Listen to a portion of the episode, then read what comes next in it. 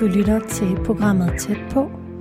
Et program, hvor vi flytter samtalen ud i landet. Lige nu står jeg foran en rød murstensbygning. Solen skinner. Jeg står foran uh, Institut for Retsmedicin. Jeg er taget hertil, fordi det er et sted, vi alle sammen potentielt kan komme i berøring med. Det kan være en, vi kender, skal obduceres. Det kan være vi selv. I sidste ende skal obduceres. Så derfor så tænkte jeg, at det ville være fint at prøve at belyse, hvordan det egentlig er at være retsmediciner. Lige om lidt skal jeg ind og mødes med retsmediciner Asser Hedegaard Thomsen. Han har arbejdet med retsmedicin rigtig mange år, og også forsket i drab.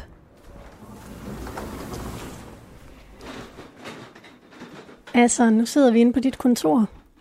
Jeg hedder Asser Hedegaard Thomsen, og jeg er retsmediciner her på Institut for Retsmedicin ved Aarhus Universitet. Jeg startede helt tilbage i 2001 i december måned, hvor jeg havde en øh, sådan valgfri måned som medicinstuderende. Og så har jeg haft et år som medicinstuderende også derudover, hvor jeg har lavet noget forskning. Og så startede jeg ellers i 2005 og har været ud og ind øh, og blevet en speciallæge. Og samlet set, øh, efter jeg blev læge, der har jeg arbejdet vel i lige knap 11 år på retsmedicin. Og hvordan kan det være, at det lige var retsmedicin? Du kan vælge mellem mange forskellige ting. Hvordan kan det være, at det blev retsmedicin? Ja, altså, der er flere forskellige grunde til det. Det er jo et helt vildt spændende speciale, og jeg har altid været fascineret af de der kriminalhistorier og, og de der mysterier, der var. Jeg kan huske, at jeg har set Dødens Detektiver som barn øh, sammen med min mor, og der var noget rigtig, rigtig spændende. Jeg kan huske noget med en, der var blevet rullet ind i et blåt tæppe, øh, og så fandt man det blå tæppe, eller rester af det, øh, hos en fodboldtræner, øh, som så øh, det sig havde voldtaget og dræbt det her barn. Øh, og så var der også noget omkring en sag med en, en bankrøver, der havde bidt i et æble, og den bankrøver havde skæve tænder, og så smidt øh, fra sig. Og ud fra de mærker, der var i, øh, i æblet, der kunne man så øh, påvise, at det var ham, der havde bidt i det æble, og derfor havde han været der på det tidspunkt. Og det synes jeg bare var spændende. Og så har jeg læst en bog i gymnasiet, øh, der hedder Af en retsmediciners bekendelse, som er sådan en rigtig spændende bog, jeg godt kan anbefale, der handler om øh, retsmedicin. Øh, meget kulørte historier, der er der i, men, men øh, delvis sandfærdige, dem der er der i, og passer egentlig meget godt med det, vi laver. Og det blev jeg fascineret af, og på samme tid havde jeg biologi i gymnasiet, og synes det var spændende. Og så tænkte jeg, at jeg kunne da godt prøve at blive retsmediciner. Det er et rigtig spændende arbejde. Øh, jeg kan godt forestille mig at arbejde med en masse andre ting øh, som læge, øh, som jeg også synes var spændende, men, men, øh, men lige nu er det så, det er så retsmedicin, jeg gør i. Øh, der er flere forskellige ting, der er spændende ved det. Øh, det det allermest spændende er egentlig uforudsigeligheden, at man ved ikke helt præcis, hvad der øh, sker på en given dag og på en given uge. Øh, vi sidder og taler sammen nu, og så kan det være, at i morgen der er jeg i gang med en eller anden øh, meget, meget sparet sag, hvor vi skal løse en masse problemer og finde ud af, hvad er det, der er sket, og dokumentere forskellige ting. Og det kan ske lige pludselig. Det kan også være, at der ikke sker noget i morgen, og det er egentlig også meget spændende. Så man skal være et menneske, der kan lide uforudsigelighed? Ja, det er i hvert fald, det er i hvert fald en fordel, det der med, at man ikke øh, aner præcis, hvad der skal ske. Ja, det vil jeg sige. Så lad os gå i kælderen. Der skal vi ned ad trappen her.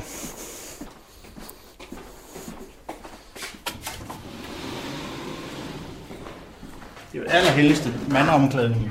Okay. Så får jeg lov til at komme med. Ja, der er ikke noget. Det er her, du, når du, du kommer, så kommer du herind først. Ja. Hvad tager du så på? Ja, hvis jeg skal ned og obducere, så skifter jeg til hospitalstøj. Sådan noget operationstøj. Blå træningsbukser ligner det, og så en, en blå t-shirt, og så hvide strømper. Og så øh, smider jeg min... Ej, jeg har træsko på. Så tager jeg træskoene med videre, og smider altså mit tøj ind i et skab, og så går jeg videre. Du Okay. kan bare gå derud, så kommer jeg. Så går jeg herud. Og så skal du lige have sådan nogle blå futter på, hvis vi skal ind på obduktionsstuen, og jeg tager et par træsko på. Ja. Hvis der er sådan en gul linje her, Ja, derfra så er det, så er det, så er det, det er ikke urent, men det er anderledes end, end, øh, end det der i resten af huset. Og det skal være sådan, at man ikke går ind på en obduktionsstue og måske træder i noget blod. Nu er der rent derinde nu, men når man er i gang med en obduktion, kan man godt træde i noget blod. Og så trækker man det med rundt i resten af huset. Ja. Så det er derfor, du skal have futter på nu. ja. Hvorfor er der sådan en rød maling på dine sko? Øh, Det er bare for at vise, at det her det er træsko, man er på inde på obduktionsstuen, og ikke rundt i resten af huset. Så hvis jeg i farten glemmer øh, at skifte fra de her træsko, så opdager jeg det.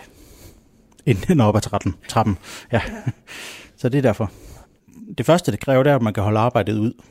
Og der har man nok allerede, inden man går til arbejdet, en idé om, er det noget for en, eller er det ikke noget for en. Og er det noget for en, så må man jo prøve at, øh, at, at komme til at arbejde med det. Det kræver selvfølgelig en uddannelse at få lov til det. Øhm, og så prøver folk og have arbejdet, og der er sådan en del, der finder ud af, at det er ikke lige noget for dem. Det kan være forskellige årsager. Øh, jo dels det psykiske, men også det fysiske. Det er faktisk et, et, et øh, indimellem fysisk anstrengende arbejde, og det er, ikke, det er ikke lige noget, øh, alle ved, når de går ind til det. Øhm, så kan det være noget omkring arbejdsformerne, at der er mange vagter og sådan noget, der også gør, at det ikke er noget for folk. Og så er det jo også det, at det, at det på sigt godt kan blive ubehageligt. Øhm, hvis man ikke allerede med det samme synes, det er meget ubehageligt, så kan det godt være på sigt, at man ligesom får bæret fyldt op med uhyreligheder. Øh, og, og det kan gøre, at folk ikke øh, bliver i faget. Og så ellers vil jeg sige, hvis man bliver i faget, så er det jo ligesom i alt muligt andet, at hvis man øh, prøver at dygtiggøre sig og læse op på tingene og prøver at sætte sig ind i sagerne, så, så er man vel, bliver man vel god til det. Sådan er sig selv. Øh, så hjælper det da ikke, eller det skader ikke at, at, at sådan ligesom også have, have, have en vis form for stedighed, øh, og måske være god til at lave idiotarbejde, øh, forstået på den måde, at man, man vi går og gør en helt vild, eller helt vildt mange ting med at registrere ting, øh, skader og forskellige andre ting, som aldrig nogensinde rigtig bliver brugt til noget. Men fordi vi ikke kan vide, hvad det er, der skal bruges øh, af tingene, så bliver man nødt til at gøre det. Og der er det måske meget godt at være en, en type, der, der godt kan leve med det og, og slå hjernen fra i, i store øh, dele af arbejdsdagen. Jeg skal lige huske, hvor lyden kommer ud. Han er det en... Er det altså med ja. diktat? Er klar? Ja. Er det altså med diktat på sagsnummer bla bla? Livet identificeres på tårseddel, og der påsættes ID armbånd, punktum, nyt afsnit. Øh, med livet følger en pose indeholdende diverse medicin, kommer der svarer til øh, den i indledningen beskrevne medicinliste, punktum, nyt afsnit. Dødstivheden er bevaret i kæbe, arme og ben. Øh, punktum, der ses rødlige ligepletter på livets rygside kommer fra sit understøtningsfladerne. Punktum, der ses ingen forrådelsesforandringer. Punktum, øh, øh, nyt afsnit. Jeg skal vi til kølerummet først?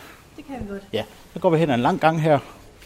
Øh, og det kommer så hen til det område, hvor Erling og hans øh, makre, de tager imod øh, de afdøde. Det er jo de retsmedicinske teknikere, der tager imod de afdøde, når de kommer ind af vores ambulanceindgang her.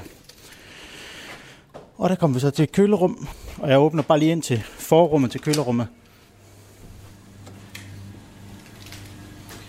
Og det er herinde, og der er så øh, ja, nogle kraftige øh, øh, øh, metaldøre med numre på, så der, vi har styr på, øh, hvem der ligger hvor. Øh, og der er vel der er otte forskellige døre her, og derinde der ligger de døde så.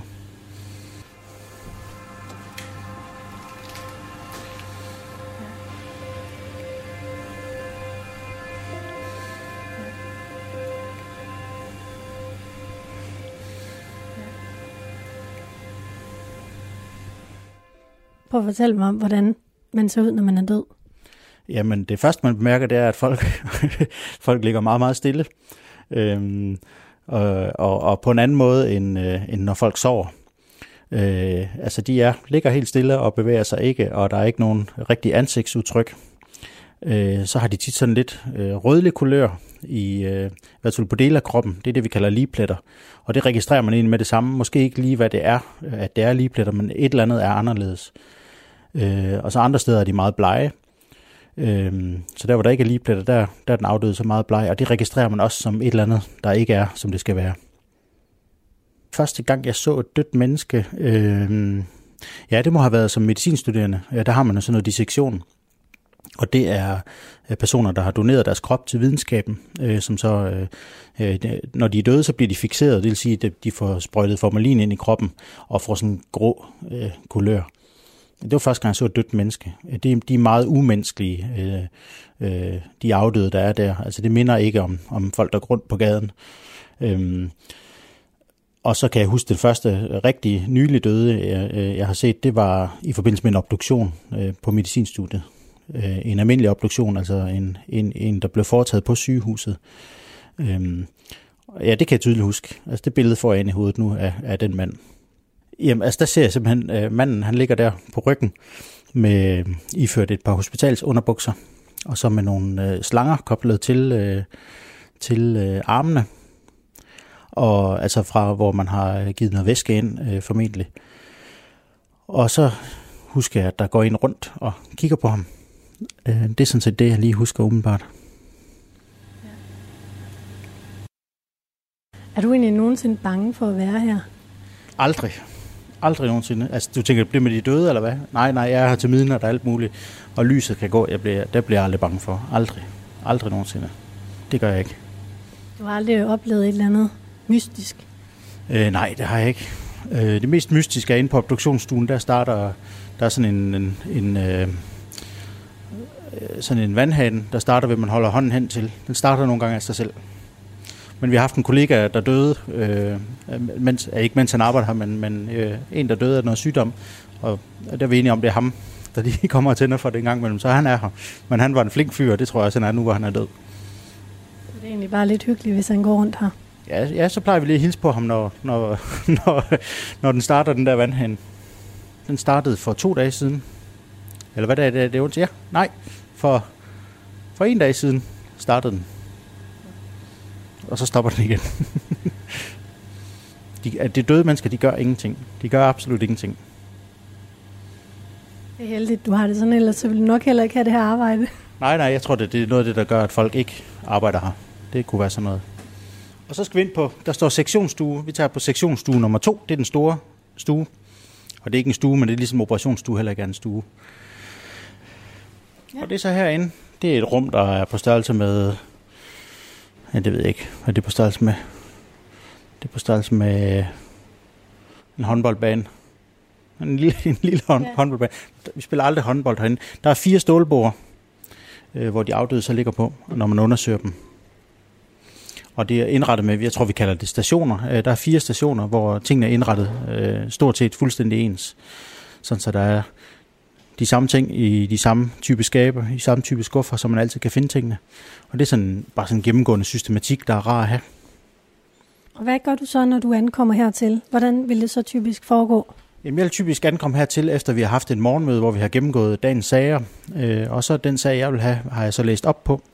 Og så går jeg ned og klæder om og går ind her, og så har øh, de retsmedicinske teknikere, de har kørt øh, den afdøde frem, så vedkommende ligger øh, klar på bordet.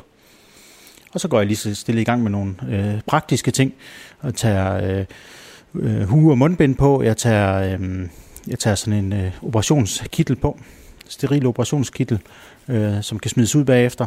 Så tager jeg øh, handsker på, nogle kraftige handsker inderst, og så tager jeg indgangshandsker uden, udenpå i, jeg tager typisk to par indgangshandsker udenpå øh, lige til at starte med, så jeg hurtigt kan tage øh, en beskidt handske af, og, og, og så have en ren handske indenunder. Øh, så tænder jeg computeren og ligesom øh, gør systemet klar til, at jeg kan taste nogle forskellige ting ind på computeren, øh, med hvad prøver vi har taget, og med hvad, øh, hvis vi vejer, eller når vi vejer organer, så skal vægtene øh, tastes ind i computersystemet.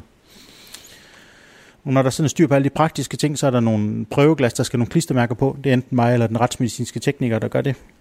Så sikrer jeg mig lige, at det er den rigtige person, jeg står øh, ved. Øh, der har de sådan typisk en tosseddel på, eller en lille blanket, hvor der står navn og CPR-nummer. Eller hvis det er nogen, der er uidentificeret, så står der øh, noget om, hvor det er, de, de kommer fra. Øh, og det sikrer man sig så lige, at det er den rigtige, det faktisk er. Når der, hvis der nu er fire i gang hernede, og de alle sammen ser nogenlunde ens ud, så er det jo vigtigt lige at vide, at det er den rigtige, man, man står ved. Og så går jeg ellers i gang med den udvendige undersøgelse, øh, hjulpet af den øh, retsmedicinske tekniker, der hjælper med alt det praktiske med at vende line og hjælper med at tage tøj af og forskellige andre ting ved den udvendige undersøgelse. Hvordan har du det, når du kommer hjem om aftenen efter sådan en arbejdsdag? Ja, efter sådan en arbejdsdag, altså jeg, jeg slipper ikke arbejdet som sådan, vil jeg mene. Altså det er ikke sådan, jeg blokerer det fuldstændig ud. Altså hvis jeg har behov for at tænke over et eller andet, øh, så tænker jeg dels over det på vejen hjem, og hvis jeg stadig har behov for at tænke for det, på det, øh, når jeg kommer hjem, så tænker jeg også på det. Der tror jeg, vi er meget forskellige, hvordan vi har det med det. Det er ikke sådan, jeg går og ruer over, at nu var der igen en, der var død. Øh, det, har, det har jeg vendet mig til. Det gjorde jeg da i starten. Jeg tænkte, det var da også det var da vildt, alle de døde mennesker, der skulle komme ind ad døren, men, men det er jo ligesom øh, vilkårene her. Øh, jeg vil sige, jeg tænker over alle sager, og det kan være øh, i stort og småt, at det, men det er klart, øh, er der en eller anden en større sag med nogle vanskelige problemstillinger, eller noget, der er meget ubehageligt, øh, noget med, med små børn, der er døde, eller, eller lignende, så tænker jeg da lidt mere over det. Det er ikke sådan, jeg ikke kan tænke på andre ting. At jeg kan godt gå hjem og slå græs, og så tænke på, om det græs nu også bliver slået pænt, selvom at der er en eller anden stor sag, eller vanskelig, eller, eller ubehagelig sag i gang. Men så kan det være indimellem, jeg lige at tankerne lige ryger hen på det. Og så prøver jeg egentlig ret bevidst at tænke på det, og ikke øh, skubbe det væk. Jeg tænker, at for mig i hvert fald ville det, ville det på sigt være et problem, hvis jeg ikke måtte tænke på det, når jeg kom hjem. Og, men der er vi meget forskellige når øh, øh, jeg har været blandet ind i en, en sag omkring noget med små børn for eksempel, øh, der enten er døde, eller vi, halvdelen det vi laver har noget med levende mennesker at gøre. Så det kan også være børn, der er mishandlet, eller man mistænker, de har været udsat for seksuelle overgreb eller andet. Øh, så kan jeg da godt tænke, når jeg ser øh, et barn øh, på samme alder komme på gaden med sine forældre, og så kobler jeg de to ting sammen og, og, og ja, sætter dem op mod hinanden på en eller anden måde. Det er jo ligesom alt muligt andet, man går og spekulerer over i dagligdagen. kom til at tænke tilbage på øh, før i tiden, at det kommer så en af, at jeg går og har en telefon, der aldrig øh, holder strøm. Og så kom jeg til at tænke på, at i gamle dage, der holdt telefonerne øh, strøm i længere tid, og der var det ikke ualmindeligt, at, man, at der kom sms'er, når man var i gang med at lave en obduktion. Altså inden man gik i gang, inden man havde fået... Øh, Øh, kiggede i lommerne på folk, øh, så kunne der godt bimle sms'er ind, eller nogle gange ringede øh, de også. Og det ser vi faktisk næsten ikke mere andet, end når vi er ude på, på findestederne, hvor folk øh, ligger døde, hvor de lige nyligt er døde, og telefonen stadigvæk har strøm på. Der savner jeg jo ikke, at de holder strøm, de telefoner. Det er ubehageligt jo at blive mindet om, at det er et øh, helt rigtigt menneske, og der er nogen i den anden ende, øh, der er rigtig fortvivlet og ked af det lige på det tidspunkt. Så det har jo på en eller anden måde været en, en slags invasion ind i i, i den afskærmning, man ellers har, når man går ned i sådan en kælder, øh, og, øh, som vi gør her, øh, når vi obducerer. Altså der er det jo, der er det jo løsrevet fra en, en dagligdag øh, hos folk, øh, og man tænker mere på det som nogle afdøde mere, end det er nogle tidligere levende mennesker. Øh, og det, det bliver vi også øh, konfronteret med i politirapporterne. Der kan man jo godt se, at der er nogle pårørende til den afdøde, der er kede af det og, og, og fortæller om, hvad det er, de har lavet. Men der er det, der er det på skrift på en eller anden måde og, og, og, og løsrevet fra virkelighed, når man læser det der. Det der. Så det med telefonerne, det, er bare en, det, var en, bare en, det var en meget direkte øh, måde at blive konfronteret med virkeligheden på. Ja. Konfronteret med, at her ligger der faktisk et menneske, der lige har været i live. Ja, lige nøjagtigt. Ja, en, der lige har været i live, og jo i og for sig stadigvæk er i live, eftersom der er nogen, der forsøger at ringe til dem. Øh, det er ikke godt op for alle, at vedkommende er død endnu. Øhm, ja, og ved en udvendig undersøgelse, der går jeg så rundt om den afdøde. Jeg tager en masse billeder. Det er det kamera, der står der, ja. du bruger til det? Ja. Det er sådan et almindeligt pocket? Det sådan, ja, det er sådan et almindeligt øh, øh, et godt digital kamera, der er meget kompakt. Man tager nogle rigtig gode billeder. Og der tager vi ja, billeder af alle skader og sørger for at holde en lineal hen til, så man kan se, hvad størrelse det har. Og der har vi sådan forskellige regler for, hvordan man bør tage nogle billeder. Og så undersøger man ellers fra top til tå, øh, kigger efter forskellige ting. Først ser man lige efter dødstegn, det er ligepletter og dødstivhed og forrødnelse. Og så kan der være nogle gange noget indtørring, det vi kalder mumificering. Nogle gange kan der være nogle forandringer, der skyldes, at folk har ligget i vand. De får sådan en runken hud på fingrene, det vi kalder vaskekonehud. Øh, nogle gange kan huden være glædet af, fordi folk har ligget i vand. Øh, så de dødstegn, dem beskriver man, og så beskriver man ellers øh, sådan overordnet set, hvad er det for et, øh, et, en, et menneske, der ligger her? Er det en, øh, er det en mand? Er det en kvinde? Er det, øh, hvor gamle ser de ud? Øh, højde og drøjde? Specielle ting? Øh, har de specielle tatoveringer? Har de specielle øh, ar? Har de øh, andre ting, der sådan er særlige kendetegn hos dem? Øh, Ligger de med, hvor ligger hovedet henne? Ja, hovedet ligger lige her i nærheden af, hvor vi står, der hvor man kommer ind, øh, ind øh, ved døren, og så ligger fødderne ned i den anden ende, og så ligger de på ryggen. Ja. ja. Og øhm, ja, så laver man den ud, ved den udvendige undersøgelse, når man så har beskrevet de der kendetegner. Det er lidt forskelligt, hvor, hvor, hvor, hvor nøje man beskriver det. Er det en, der er uidentificeret, man ikke aner, hvem er, så bliver det beskrevet rigtig nøje. Der er hver enkelt lille bitte ar er vigtigt at have et billede af. Et billede og beskrivelse af. Øh, for det kan i sidste ende være noget af det, der hjælper til at få dem identificeret. Øh, er det nogen, man har helt styr på, hvem er, og det er nogle arter, der ikke som sådan har betydning, så beskriver man dem ikke sådan øh, specielt i detaljer. Men det er klart, at operationsar kan jo fortælle noget om, hvad der har været lavet ved folk, hvad de har fejlet før, eller hvad de kunne have fået sygdom af nu. Øh, så det er vigtigt nok at have, ligesom have styr på det.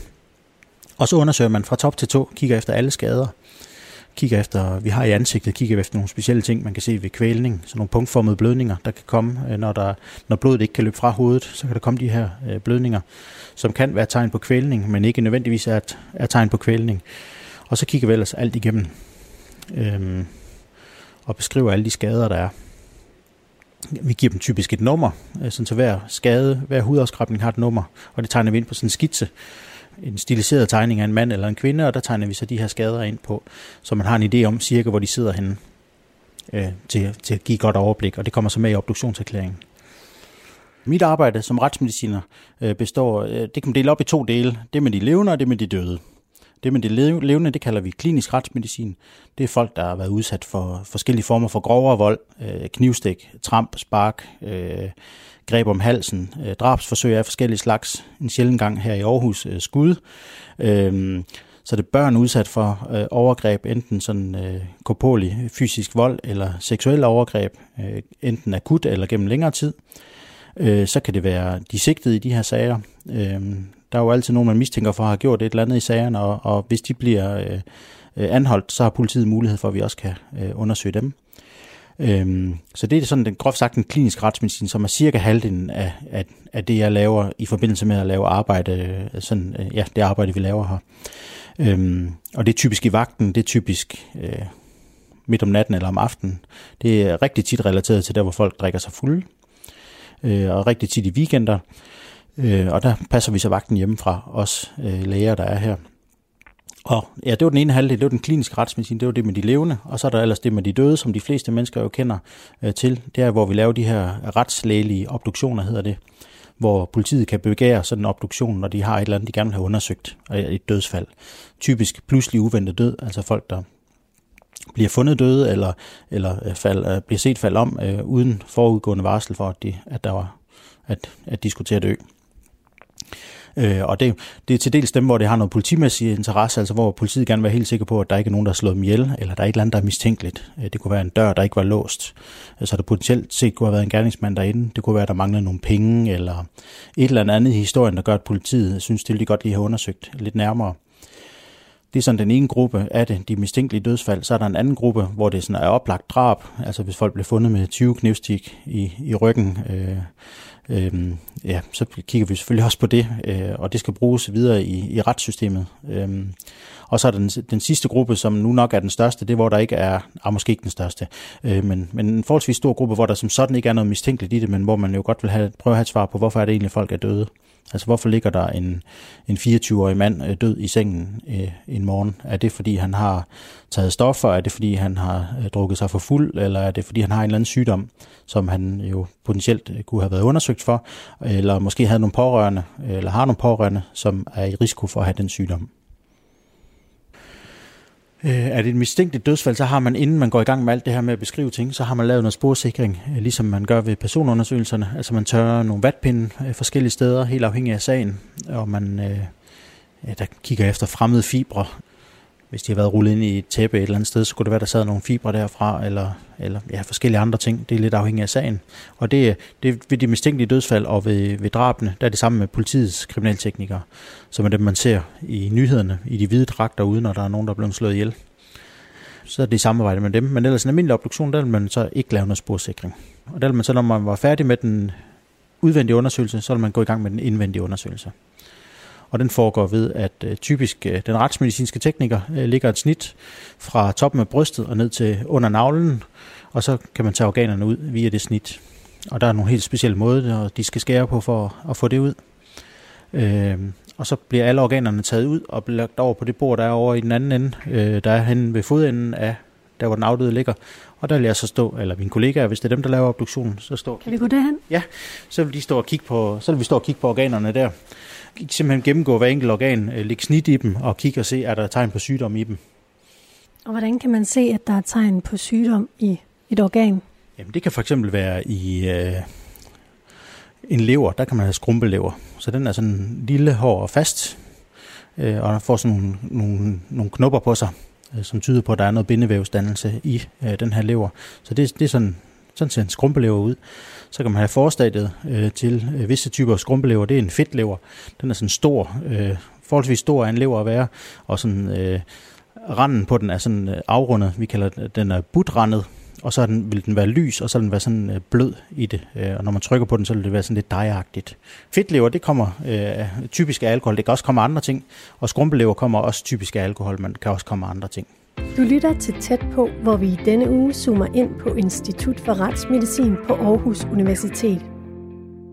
Du lytter til Tæt på på Radio 4. I dag der er jeg på Institut for Retsmedicin, og jeg sidder lige nu inde på retsmediciner Asser Hedegaard Thomsens kontor, og vi taler sammen om dit arbejde som retsmediciner. Dem, man, jeg typisk taler med, det er, det er forældre til nogle forholdsvis unge mennesker, der er døde. Øh, og der øh, har de en hulens masse spørgsmål om alt muligt. Øh, øh, det er typisk noget rent lægeligt, øh, og noget, som de har koloenormt stor øh, øh, øh, behov for at, at finde ud af, øh, og som for mig egentlig er rimelig simpelt at svare på, altså ud fra den viden, jeg har, dels bare min baggrund, og så, og så øh, det, vi har øh, undersøgt i forbindelse med en obduktion.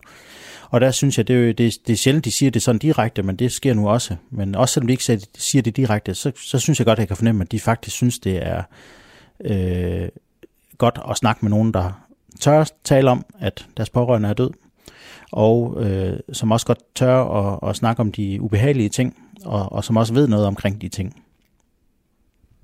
Hvad kunne det være for spørgsmål, for eksempel? Er der sådan noget, der går igen der? Jamen, det kan være sådan noget... Øh, det kan være noget om, hvor, altså, om vi nu er sikre på, hvad det er, de er døde af, eller var der nu noget andet? Kunne det have været noget helt andet, eller noget helt tredje? Og det er jo, det er jo ret nemt at, at svare på, hvis man har fundet, hvad folk er døde af, og man har set, at de andre ting ikke var der. Så det, det er typisk sådan noget, med, hvor man kan, der kan være alle mulige tanker, folk kan have. Øh, så kan det være noget omkring, om de, om, om, at de går og undrer sig over, at det her dødsfald, er det indtrådt hurtigt, eller er det noget, der har taget lang tid? Øh, har de lidt? Øh, har de haft ondt? Og det kan være rigtig svært at svare på, men i mange tilfælde kan man jo godt øh, ud fra øh, oplysningerne og de fund, vi har gjort, sige, at det her det må have gået rimelig hurtigt. Øh, så, og det tænker det er også rart for folk at vide. Der, der er helt rent herinde, men jeg tager altså altid lige handsker på, for man ved aldrig. Og det er sådan et god, godt princip herinde, lige altid ikke røre ved noget, uden at have handsker på. Ja. Øh, så der er lyden af, at man tager handsker på, for eksempel. Så er der en... Så er der lyden af, når vi kører bordet op. Øh, man skal have ordentlig arbejdshøjde, ellers så får man ondt i ryggen. Der skal du herned, tror jeg. Så bordet, som, den, som livet ligger på. Ja, og så har vi et andet bord herovre. Det går vi meget i. Det er sådan lyden af, nu, nu skal vi i gang. Nu er vi ved at gøre klar. Nu skal vi i gang. Det gør jeg altid lige godt, det er klar. Og så det der, så kommer afløbet med så er den der guldende lyd. Jo, herover der lagt nogle forskellige ting frem af værktøjerne. Og det er den lyd, der går meget igen. Og jeg har kontor lige ovenover her, der kan jeg godt høre, når folk skramler rigtig meget. Men den her lyd for eksempel, som er sådan en øh, øh rustfri stålbakke med huller i, øh, som bliver brugt til, når de forskellige instrumenter, vi bruger ved obduktionen, når de, bliver, når de skal i opvaskemaskinen, og for at opbevare dem, så ligger de sammen. Og der er så de forskellige instrumenter, de siger også lyde, når de ligger mod det her stålbord. Og det er en lineal og en pincet, der ligger der. Ja, en lineal og en pincet, og så nu finder jeg lige det, jeg normalt bruger. Altså det, det hele, ups, det hele det bliver lagt frem.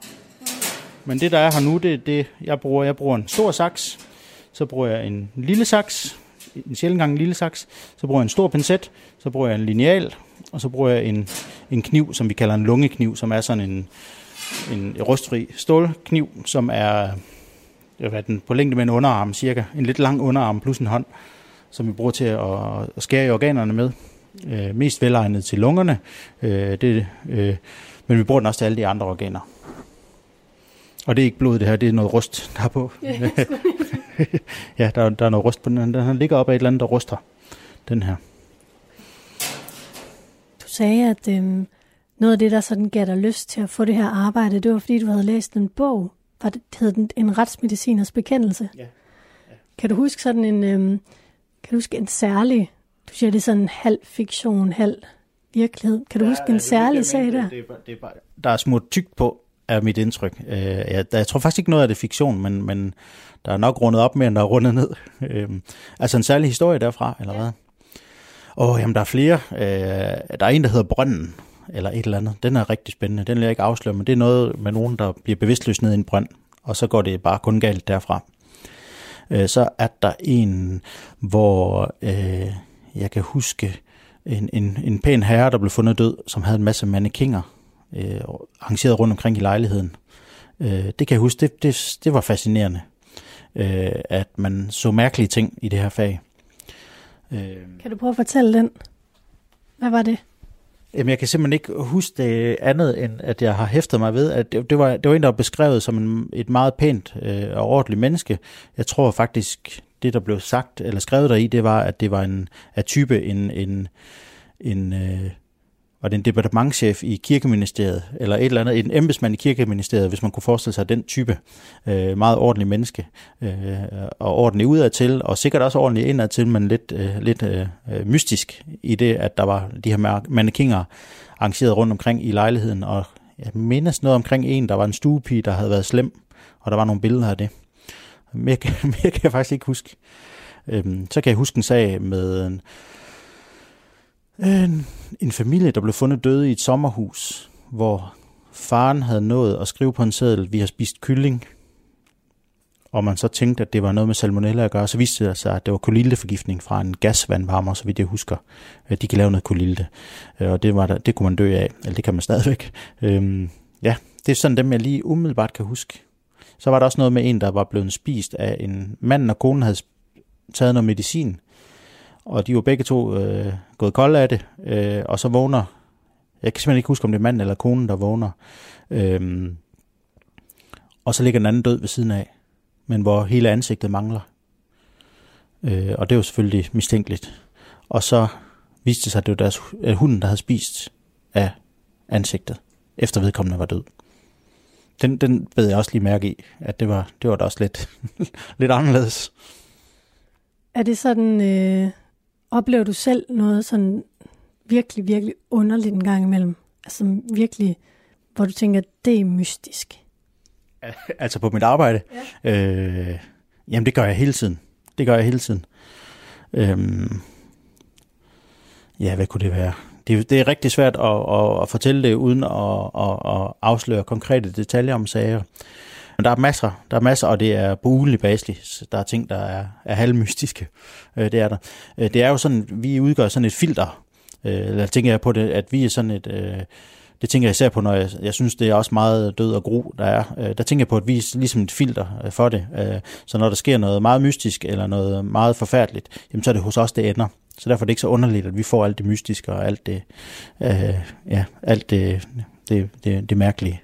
Jeg har haft nogle sager, hvor alle de, jeg snakker med, nærmest hed det samme til fornavn. Altså det er da mystisk, at der lige skulle være så mange med det navn lige den dag. Altså det er jo ikke sådan, de hed, øh, de hed øh, Balthasar, et meget sjældent navn alle sammen. Det var et meget almindeligt navn, så det var ikke så, så mærkeligt, men det er lidt sjovt, sjovt øh, når alle vidner og den afdøde og politimanden og alle hedder det samme. Det, og det, det er måske en meget god illustration af, at vi ser bare nogle gange nogle, nogle mærkelige sammentræf en gang imellem. Ja, er det for en vandehinde, der engang imellem tænder? Den er herovre. Hvad siger der med den her? Jamen, det starter bare af sig selv en gang imellem. Den starter af sig selv. Nu er det mig, der starter den. Men ellers så starter den af sig selv en gang imellem. Der er sådan en sug der. Er der noget med, med lugten nogle gange herinde? Ja, øh, det her, det er, øh, det, det er sådan, det, jeg tror, man kalder det et punktsug. Altså, der er jo god ventilation herinde, jeg ved ikke, om du kan fornemme det hele. Man kan sikkert høre det på radioen, det hele, det larmer. Hvis man åbner nogen op, der er meget forrødnet, så er det rart nok at have lidt ekstra sug på derhen, så det ikke kommer ud i luk, øh, luften øh, mere, mere end godt er. Det er jo nogle gange nogle ret grælde tilfælde, I får ind her. Altså nogen, der kan være brændt eller på en anden måde identificerbare. Hvordan har du det med det, når det sker?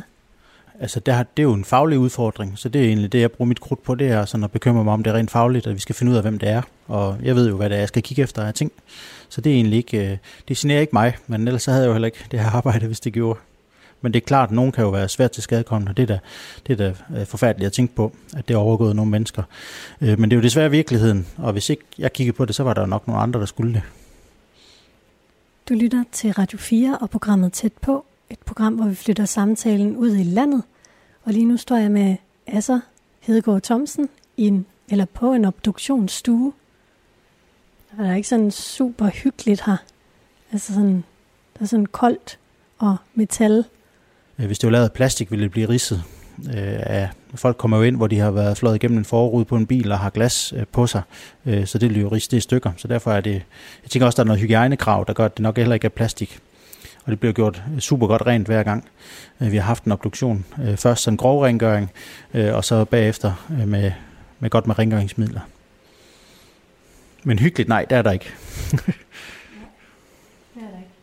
jeg kan godt synes, hvis jeg kommer ned, når jeg er hernede alene, øh, og der, når jeg lige kommer ned om morgenen, hvis jeg er den første, der er hernede, og der ligger fire øh, afdøde her, så synes jeg heller ikke, det er super hyggeligt. Altså, det, det, det, man vender sig til det, men det, det er ikke sådan, jeg tænker, nu det er bare, det er bare helt neutralt, og nu er det, nu er det rigtig hyggeligt. Det tænker jeg ikke. Men så er det så vel det typisk være dig, der tager den, det ene lige, og så er der tre andre, der tager de andre, eller hvad? Ja, lige nok det. Ja, ja, det er sådan, det typisk være. Og det er ikke altid, der er fyldt helt op her. Nogle gange er der kun en enkelt obduktion, andre gange er der ja, flere og op til, ja, der kan være helt fyldt her med, med fire i alt jo. Og så har vi nogle andre rum også, hvor der kan foregå noget. Øhm. Jeg siger noget igen til lytterne. Du lytter til tæt på på Radio 4. I den her uge, der går vi tæt på Institut for Retsmedicin i Aarhus. Og lige nu sidder jeg med Asser Hedegaard Thomsen inde på dit kontor, Asser. Og du fortæller om dit arbejde som retsmediciner.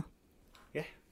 Vi undersøger alle typer mennesker her, vil jeg sige. Men der er jo en overvægt af, af folk sådan på, på skyggesiden af samfundet. Øh, stofmisbrugere, øh, tyvknægte, øh, øh, ja, socialt udsatte, øh, eneboer, øh, typer, øh, øh, folk uden noget netværk, øh, folk med, med svær psykisk sygdom. Øh, og, og tit er det en kombination af de ting, der gør, at, at, at, at, et, øh, at et dødsfald øh, bliver interessant at undersøge lidt nærmere for politiet.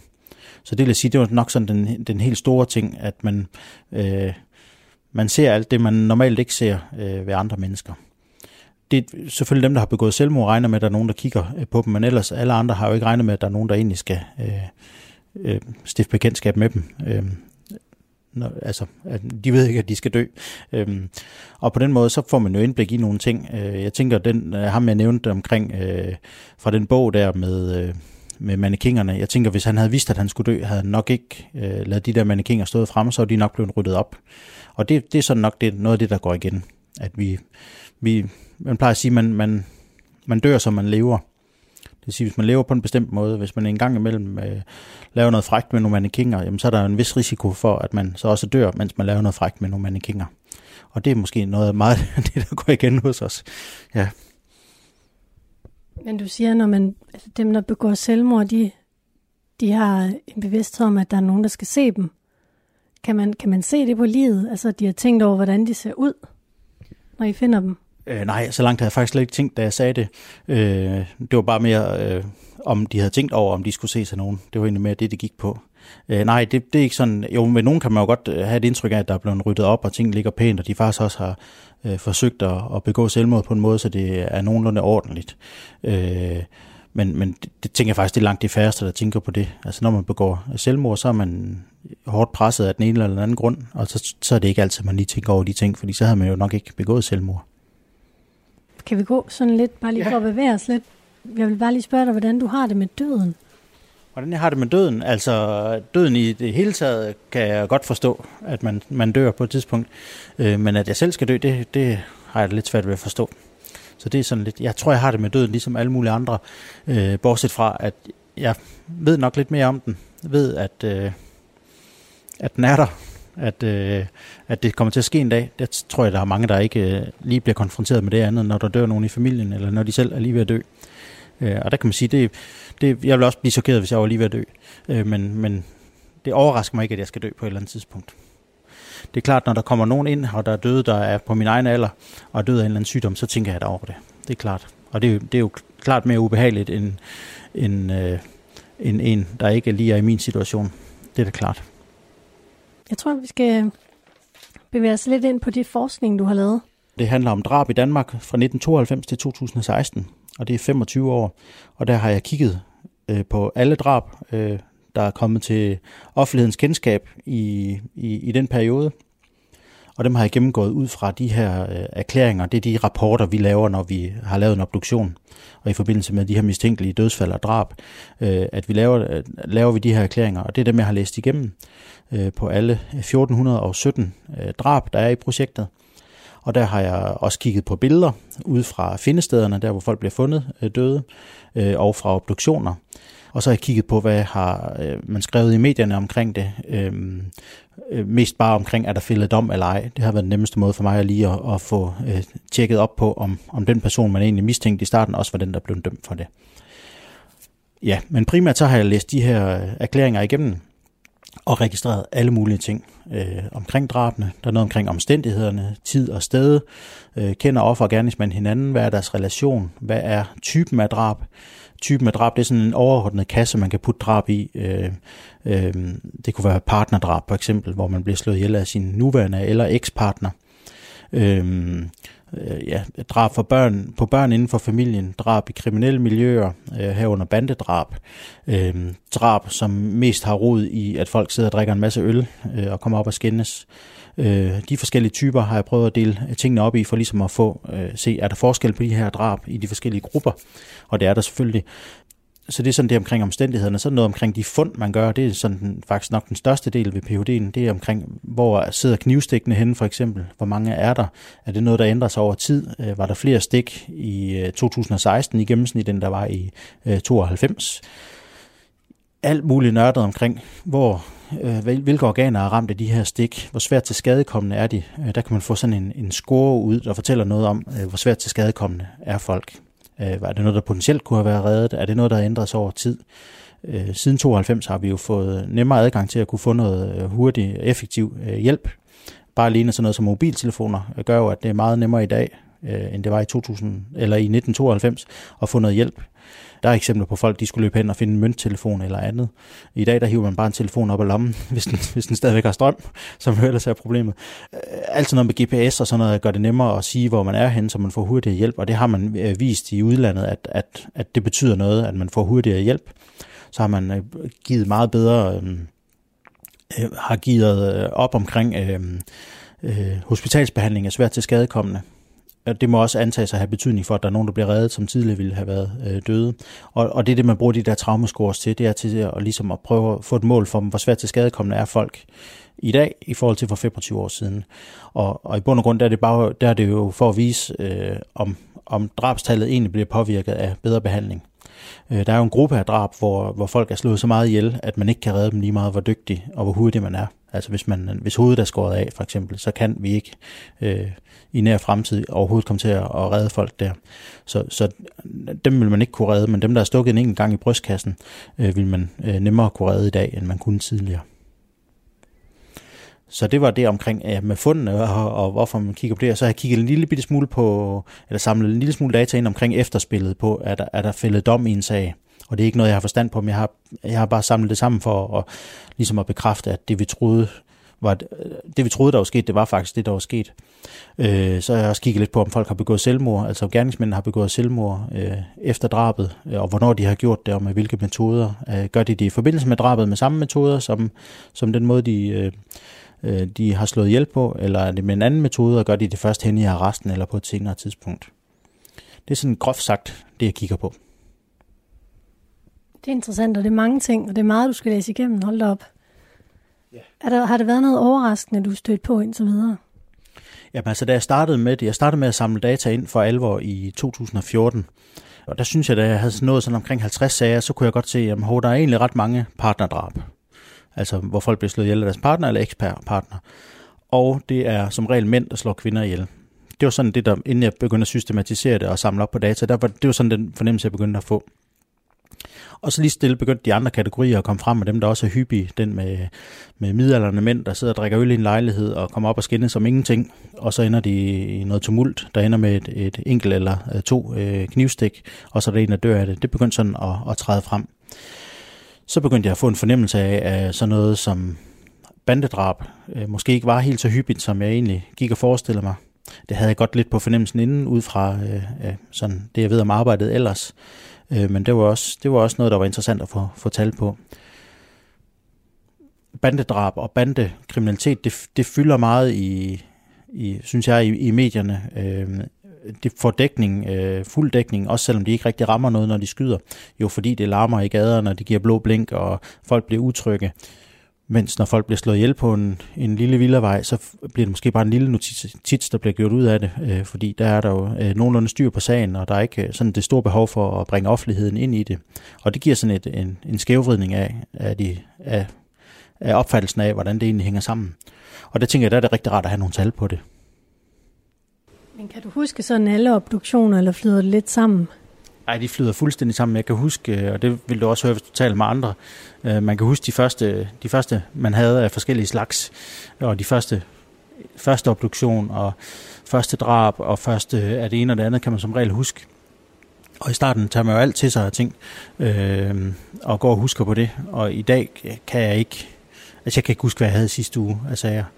Øh, der er ikke nogen, der har efterladt på den måde et indtryk. Øh, så der skal jeg hen og kigge, for lige at blive mindet om, hvad det er for en, for en sag, det nu har været. Lige meget hvad man laver, så lægger man mest mærke til tingene i starten, og så er der, bliver det mere de ting, der stikker sådan ud, øh, man husker på. Vil du fortælle mig om det første drab, det var en, en, der var, altså det var jeg bare med til at, at se. Det var mens jeg var øh, medicinstuderende. Der hjalp jeg til ved, ved øh, forskellige obduktioner. En måde at komme til at se tingene på. Og så kunne man lige så godt lige hjælpe lidt. Og det var en, der var blevet øh, banket af sin, af sin øh, samlever. Hvor der så var forskellige skader. Når du får, får lige ind hernede, er det så ofte, altså er der mange kvinder, der kommer ind, som er blevet slået ihjel af deres partner? Jamen, det er jo kun en, det er kun en lille del det, vi laver, der har med drab at gøre. Øh, så, så nej, det gør vi ikke. Men blandt drabene er der forholdsvis øh, øh, mange øh, kvinder, der har slået ihjel deres partner. Der kommer også masser af mænd ind. Det er jo sådan to tredjedel af dem, der er dræbt, det er mænd.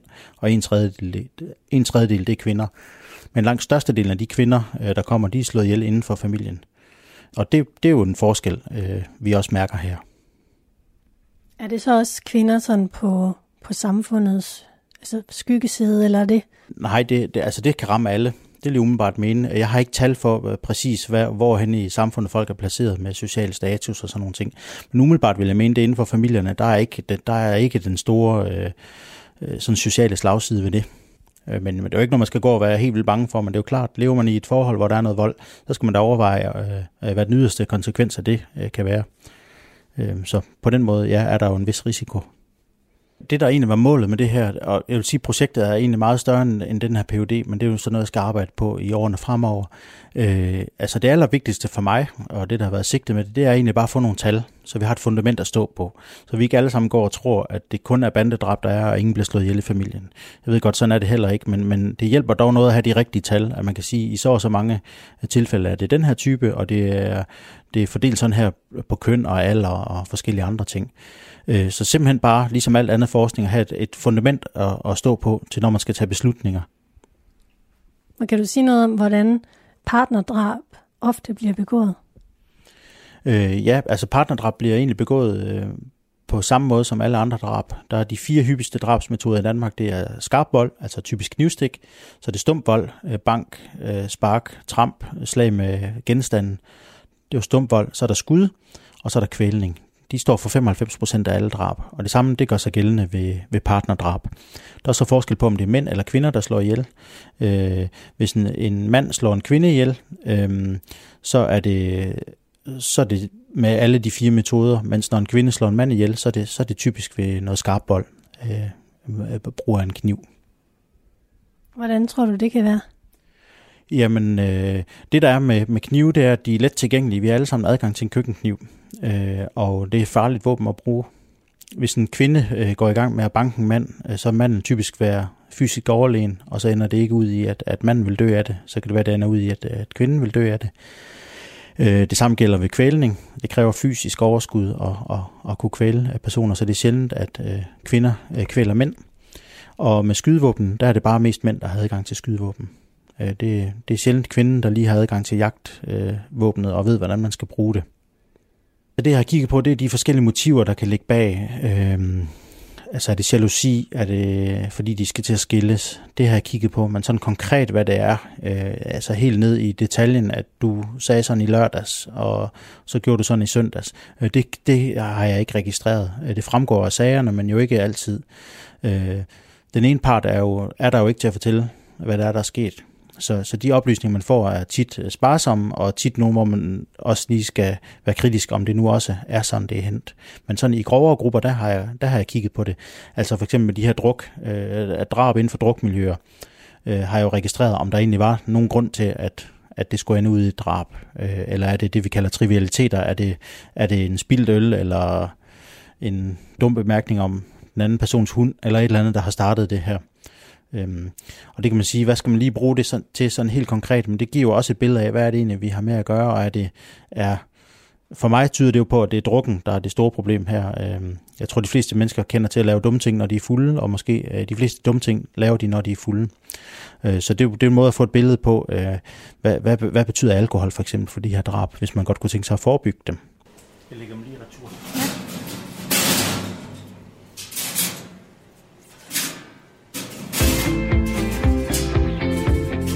Du har lyttet til Tæt på, hvor vi i denne uge zoomer ind på Institut for Retsmedicin på Aarhus Universitet. I udsendelsen medvirkede retsmediciner Asser Hedegaard Thomsen, og mit navn er Katrine Hedegaard. Sidder du nu med en god idé til et sted, vi skal besøge her i programmet, så send en mail til reportage radio4.dk. Tak til Institut for Retsmedicin på Aarhus Universitet, og tak til dig, fordi du lyttede med.